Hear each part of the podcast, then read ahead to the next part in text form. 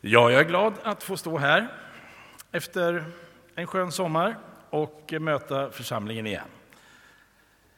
Roligt att se både nya och gamla ansikten. Tycker ni om mitt ansikte? Är det okej? Okay? Tack för det. Det är samma faktiskt som i början på sommaren. Jag tänkte att jag skulle ta med er på en liten resa genom både gamla och nya testamentet och eh, göra några olika nedslag i spännande och laddade sammanhang. En brinnande buske, en hög med döda ben, en osäker väderleksrapport, en stöt i sidan och ett nytt Genesaret. Hur låter det? Låter det lite spännande? Ja, vi hoppas att det ska bli det. Och vi hoppas framför allt att Herren ska ge en hälsning till någon av oss, kanske flera av oss idag. För det är för det vi möts till Guds tjänst, för att Herren ska vara här. Det är inte bara ett möte eller en samling eller ett program, utan du och jag vet jag önskar att när du och jag kommer, när människor kommer, vänner, nya gäster, någon som bär på en längtan, en börda, ett bekymmer, så ska vi tillsammans uppleva och skapa en atmosfär här där du och jag känner, här kan jag möta Gud. Det finns ju mycket av Bibelns litteratur, om vi kallar det för litteratur, som också är väldigt vacker och finstämd. Och det finns ett och annat ord här och där där man bara liksom känner in Guds hjärta. Eller kanske bara ett väldigt, väldigt gott författarskap inspirerat av Herrens ande. Och ett sådant sammanhang vill jag läsa med dig nu. Och så ska vi ta några snabba nedslag. Vi börjar med den brinnande busken. Mose, kommer ni ihåg, hade haft en del bekymmer i Egyptens land. Och det hade resulterat i att han dödade en människa och fick fly. Han flydde och var borta i ett annat land och i ett annat sammanhang under lång tid. Och så står det i Andra Mosebok 2. Så förflöt en lång tid. Och därunder dog kungen i Egypten. Men Israels barn suckade över sin träldom och klagade och deras rop över träldomen steg upp till Gud. Och Gud hörde deras jämmer. Och Gud tänkte på sitt förbund med Abraham, Isak och Jakob. Och Gud såg till Israels barn och Gud lät sig vårda om dem. Och Mose vaktade fåren åt sin svärfader Jetro, prästen i Midjan. Och han drev en gång fåren bort bortom öknen och kom så till Guds berg Horeb. Där uppenbarade sig en Herrens ängel för honom i en eldslåga som slog upp ur en buske. Han såg att busken brann av elden och att busken ändå inte blev förtärd. Då tänkte Mose, jag vill gå bort dit och betrakta den underbara synen och se varför busken inte brinner upp. När då Herren såg att han gick bort för att se ropade Gud till honom ur busken och sa Mose, Mose. Han svarade, här är jag. Då sa han, träd inte hit. Dra dina skor av dina fötter, ty platsen där du står är helig mark. Och han sa ytterligare, jag är din faders Gud, Abrahams Gud, Isaks Gud och Jakobs Gud. Då dolde Mose sitt ansikte, ty han fruktade för att se på Gud. Jag tycker det är så vackert när det står eller vackert, men det finns något fint där. Och han drev en gång fåren bortom öknen. Han tog ett steg till, utvidgade sitt område lite grann. Och så vet ni vad som hände? Gud talar i den här synen av en brinnande buske och ger Mose en förnyad kallelse att gå tillbaka till Egypten och föra sitt folk ut ur fångenskap och träldom. En vändpunkt i Mose liv. Vi går vidare till ett annat spännande sammanhang som vi bara rör lite snabbt vid. Hesekiel 37. De döda benens dal. Och profeten berättar, och Herrens hand kom över mig och genom Herrens ande fördes jag iväg och sattes ner mitt på slätten som nu låg full med ben. Och han förde mig fram runt omkring dem och jag såg att de låg där i stor mängd utöver dalen och jag såg att de var alldeles förtorkade. Och han sa till mig, du människobarn, kan väl dessa ben åter bli levande? Och jag svarade, Herre, Herre, du vet det. Lite längre fram i vers 9, då sa han till mig, profetera och tala till anden. Ja, profetera du människobarn och säg till anden, så säger Herren, Herren.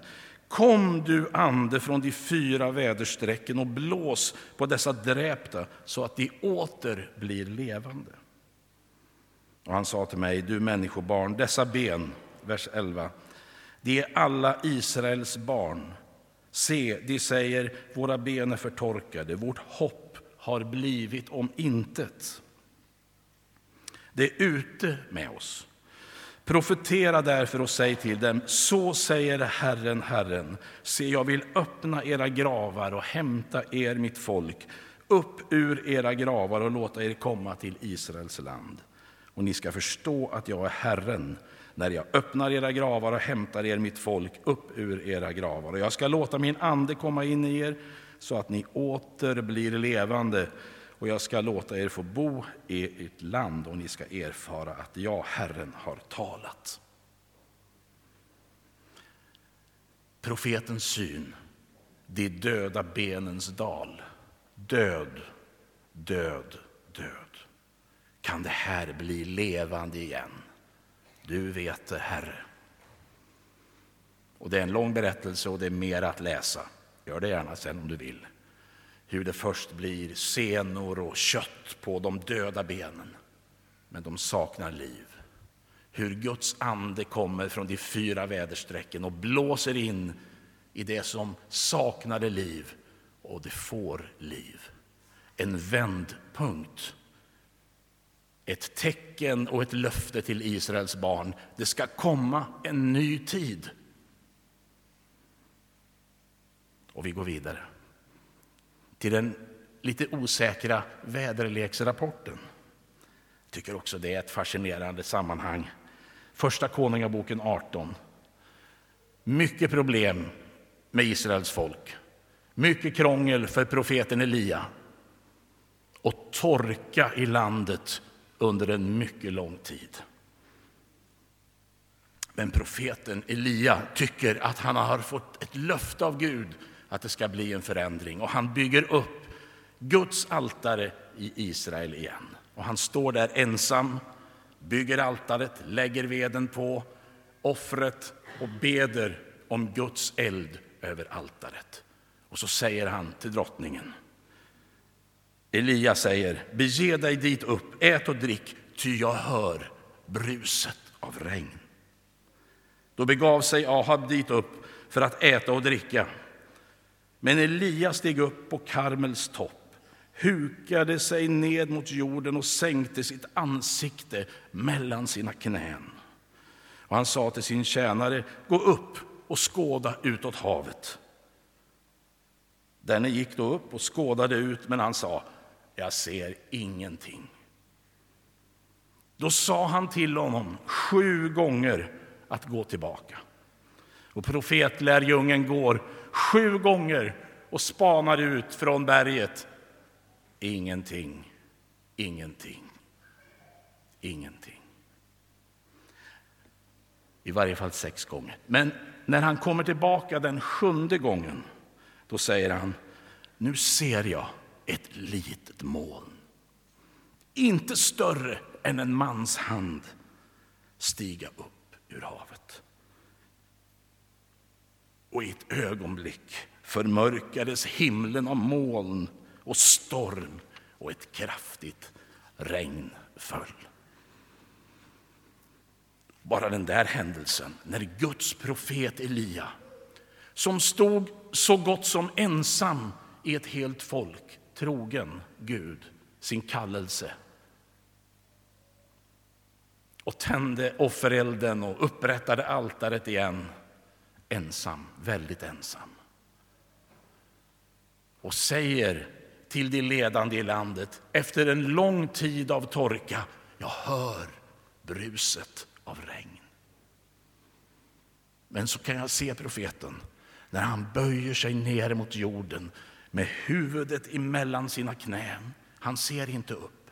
Han spanar inte efter regnmoln, men han skickar sin lärjunge. En gång, nej. Två gånger, nej. Tre gånger, ser inget.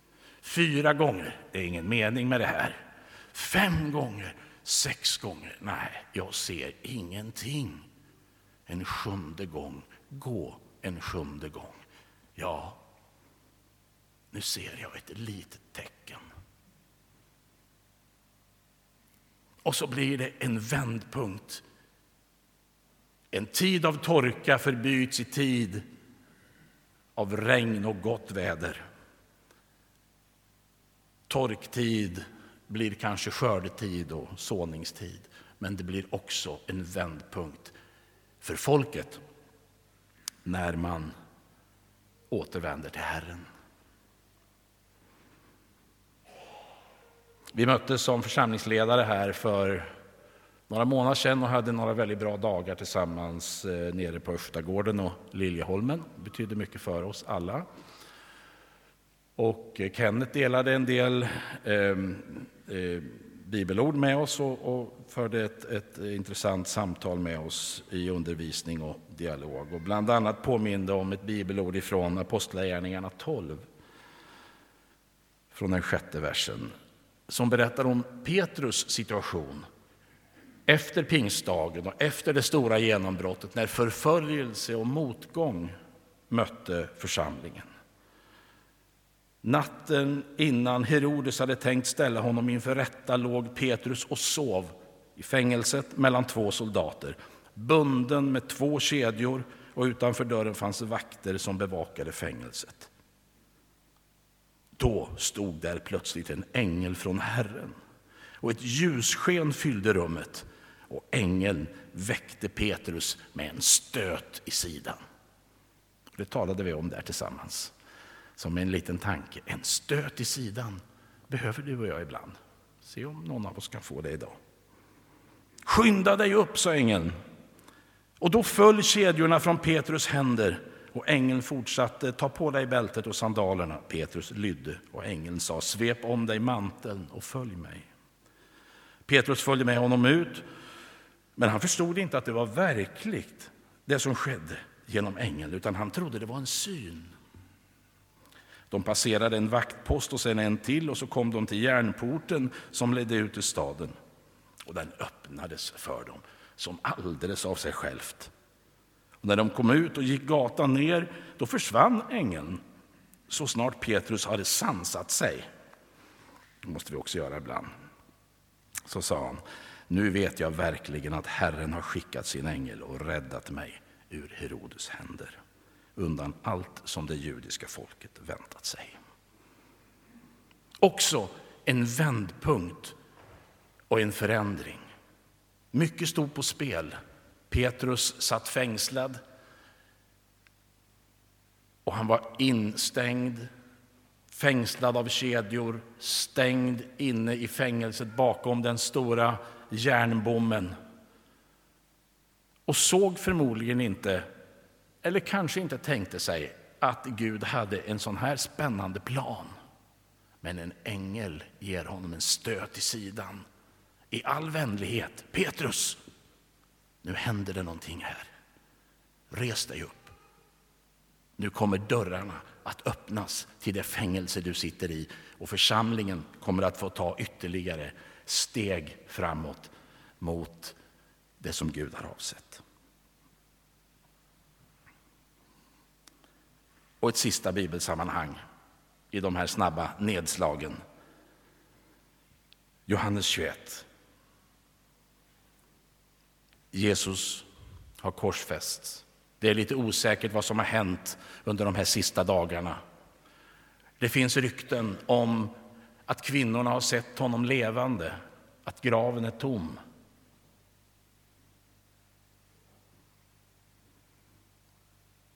Men Petrus och några av hans vänner har vänt tillbaka till fisket och till näten. Sedan visade sig Jesus igen för lärjungarna vid Tiberias sjön. Det gick till så här. Simon Petrus och Thomas, som kallades Tvillingen, Natanael från Kana i Galileen, Sebedaios söner och två andra lärjungar var tillsammans. Och Petrus sa till de andra, jag ger mig ut och fiskar. Och då sa de, vi följer med dig. De gick ut och steg i båten, men den natten fick de ingenting. När morgonen kom stod Jesus där på stranden.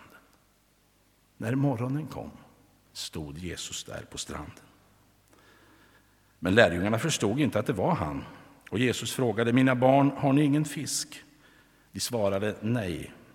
Och han sa, kasta ut nätet på högra sidan om båten, så får ni. De kastade ut näten och de orkade inte dra in dem för all fisken. Den lärjunge som Jesus älskade sa då till Petrus, det är Herren. Och när Simon Petrus hörde att det var Herren knöt han om sig ytterplagget, för han var inte klädd, och hoppade i vattnet. De andra lärjungarna kom efter i båten och hade fångsten på släp. De hade inte långt till land, bara ett hundratal meter. När de steg i land fick de se en glödhög och fisk som låg på den och bröd. Och Jesus sa, hämta några av fiskarna som ni just fick.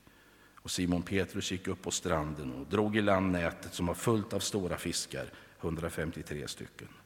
Och fast det var så många gick näten inte sönder. Och Jesus sa till lärjungarna, kom och ät. Vad har de här texterna? Jag kunde ha hittat fler. En annan text som jag tycker också har mycket av den här dramatiken är berättelsen när lärjungarna av fruktan för judarna sitter instängda bakom stängda dörrar och fönster. Och plötsligt står Jesus där och säger Tag emot frid och helig ande.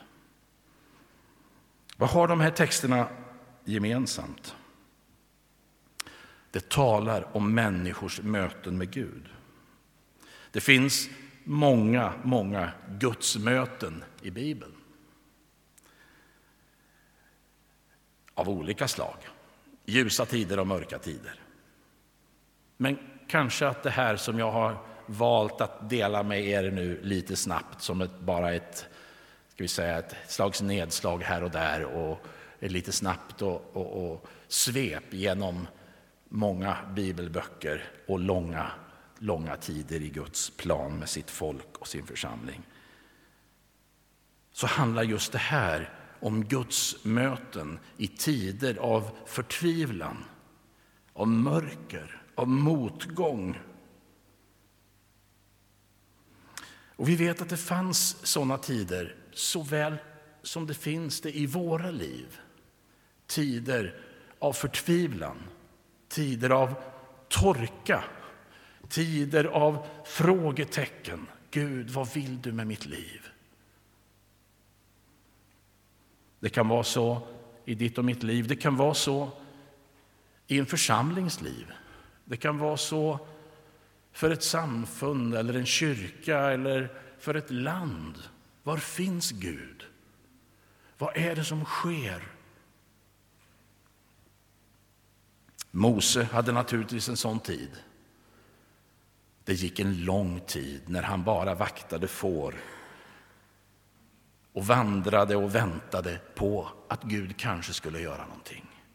Så plötsligt en dag gick han lite längre bortom öknen med sina får och där brann Guds eld och där talade Gud till honom.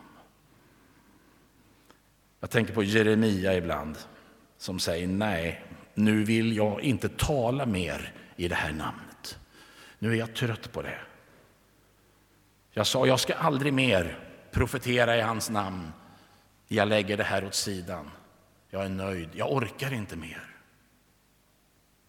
Men då blev det som brand inom mig en eld och jag försökte uthärda den, men jag kunde det inte. Elia mötte vi nyss. Petrus, Paulus. Paulus som vi uppfattar som kyrkans, tillsammans med Petrus, kyrkans och församlingens första riktigt stora förgrundsgestalt. Och han talar med kraft, han skriver, frimodigt talar han om, jag är Guds, Jesu Kristi apostel, lyssna nu vad jag har att säga till er. Men så vet vi också att det fanns perioder i Paulus liv när han drog sig undan. När vi inte riktigt vet var han fanns och vad han gjorde. Kanske en ganska lång följd av år när Paulus bara satt i Tarsus och lagade tält. Tider av väntan på att Guds eld ska brinna, kallelsens eh, hälsning på något sätt från Gud ska bli tydligare. Du och jag lever i väntans tid i olika perioder. Och jag tycker att mitt liv, om jag ska se tillbaka på det som kristen, har bestått av höjdpunkter och dalgångar. Av eh, tider när jag har känt mig stark och Guds välbehag på något sätt har vilat över mitt liv och jag har känt att de gåvor och den kallelse och den uppgift jag har haft har fungerat med, med kraft. Ett slags eh, flöde, ett slags smörjelse, sa vi förr. Men jag har också upplevt perioder när det känns tyst, torrt, tveksamt. Och vi arbetar på ändå, men var finns den där strömmen från Gud som gör att vi tycker att vi befinner oss på höjderna? Det finns ett spännande annat bibelsammanhang i Första Konungaboken där Guds folk och den arameiske kungen har lite problem med varann. De strider mot varann och så säger fienden om Israels Gud, deras Gud är en bergsgud. Därför har de blivit oss övermäktiga. Låt oss nu strida emot dem på slätten, då ska vi förvisso bli dem övermäktiga. Och då trädde gudsmannen fram och sa till Israels kung, så här säger Herren, därför att arameerna har sagt, Herren är en bergsgud och inte en dalgud, därför ska jag ge dig hela denna stora skara i din hand så att ni må erfara att jag är Herren. Och ibland har jag tänkt så här. Är vår Gud en bergsgud eller en dalgud? Finns det en Gud bara för bergstopparna och höjderna? Eller finns det en Gud som är en Gud både där uppe och djupt där nere? Och när du och jag som enskilda människor som församlingar eller som ett land lever i en sån där dalgång och undrar var finns Gud någonstans? Kanske han vill hälsa dig idag i den situationen. Jag är inte bara en bergsgud. När solen glittrar på de höga topparna och när utsikten är bedårande.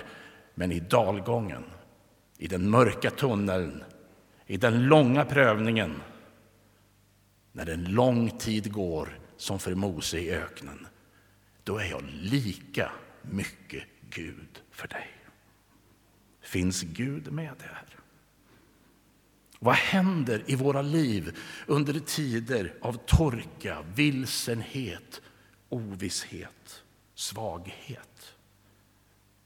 Du som har satt en liten lapp i alfanätet här och skrivit en väns namn på den där fisken som du ber för och som du vill aktivt verka för ska hitta fram till en tro på Gud. Vad händer i väntans tid?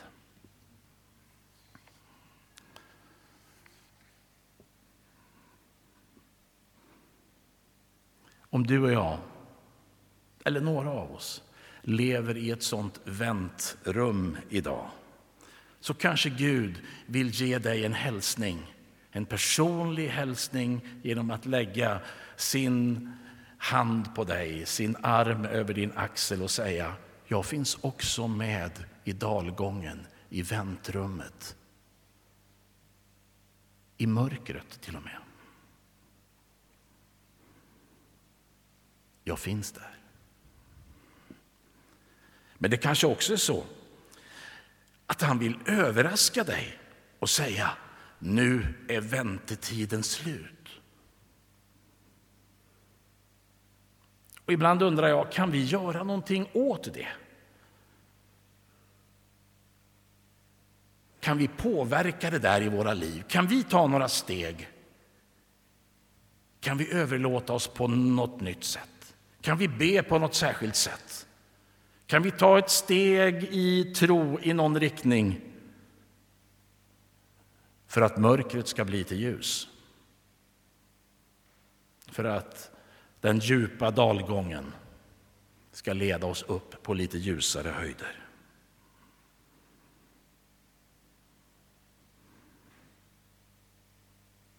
Mose tog några extra steg, kanske inte en aning om varför. Han gick lite längre bort en dag. Och Guds eld brann. Profeten fick se de döda benen som symboliserade Israels folk få liv, återta sin forna skepnad och fyllas av liv när Guds ande blåste från alla väderstreck in och fyllde dem med liv. Elia fick se, efter mycket väntan och kanske mycket oro, ett litet moln som stiger upp vid horisonten. Jag hör bruset av regn. Tiden av torka är slut. Och Petrus, som säkert tänkte en del jobbiga tankar, instängd och fängslad i den innersta fängelsehålan. Han får en stöt i sidan av ängeln som säger Kom nu, Petrus, nu är det tid att gå ut ur fängelset och den stora järnbommen eller järndörren bara öppnas. Och kanske är du där idag som ska få en liten stöt i sidan och låta Gud överraska dig i den vanliga gudstjänsten den 9 augusti 2009 en stöt i sidan. Och du förstår, det är Guds ängel, kanske Herren själv, som påminner mig om att nu är det dags för nya tider. Och vad hände i de här sammanhangen som vi nu lite snabbt har svept över? Alla upplevde en vändpunkt. En inbjudan till någonting nytt bortom öknen. En förnyad kallelse. Eller för den som tror att Gud har glömt dig fullständigt, en chans till. Och Gud är en sån Gud som ger en chans till. Och en chans till. Och en chans till. En stöt i sidan. Du får en chans till. En dörr som stängs, en annan dörr som öppnas. Från mörker till ljus, från dalgång till höjder kanske. Tid för uppbrott. Gud, överraska oss idag genom att lägga din hand på någons liv som förtvivlar. Överraska oss idag genom att säga till någon som har gett upp hoppet, du får en chans till. Överraska oss idag genom att ge den som har slappnat av och somnat in och lagt av lite grann en stöt i sidan nu är det dags att gå ut ur ditt fängelse. Herre, överraska oss idag genom att säga att det är tid för uppbrott. Ditt folk hemma i Egypten behöver dig nu. Och det är du som ska leda dem ut ur fångenskapen och in i det förlovade landet. Helige Ande, kom från de fyra väderstrecken och blås in i det som är torrt och livlöst. Fyll oss på nytt med det som bara du kan ge. Och säg till oss, jag vill att du upplivar den nådegåva som genom profetord finns nedlagd i ditt liv. Jag behöver dig nu. Stadfäst ditt eget ord, Herre, i våra hjärtan. Och låt ingenting hindra att din vilja sker i våra liv.